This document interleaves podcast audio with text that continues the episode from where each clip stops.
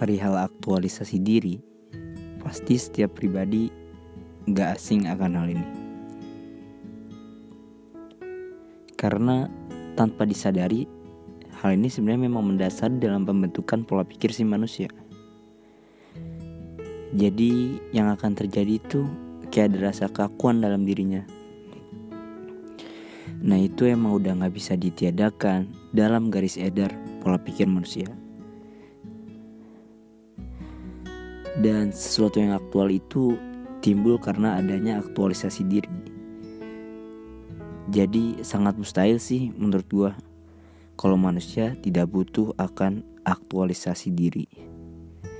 Karena pemahaman istilah aktualisasi diri sebagai kebutuhan dan pencapaian tertinggi seorang manusia sudah mendunia dan banyak para ahli jiwa yang mengakui bahwa benar adanya tentang aktualisasi diri.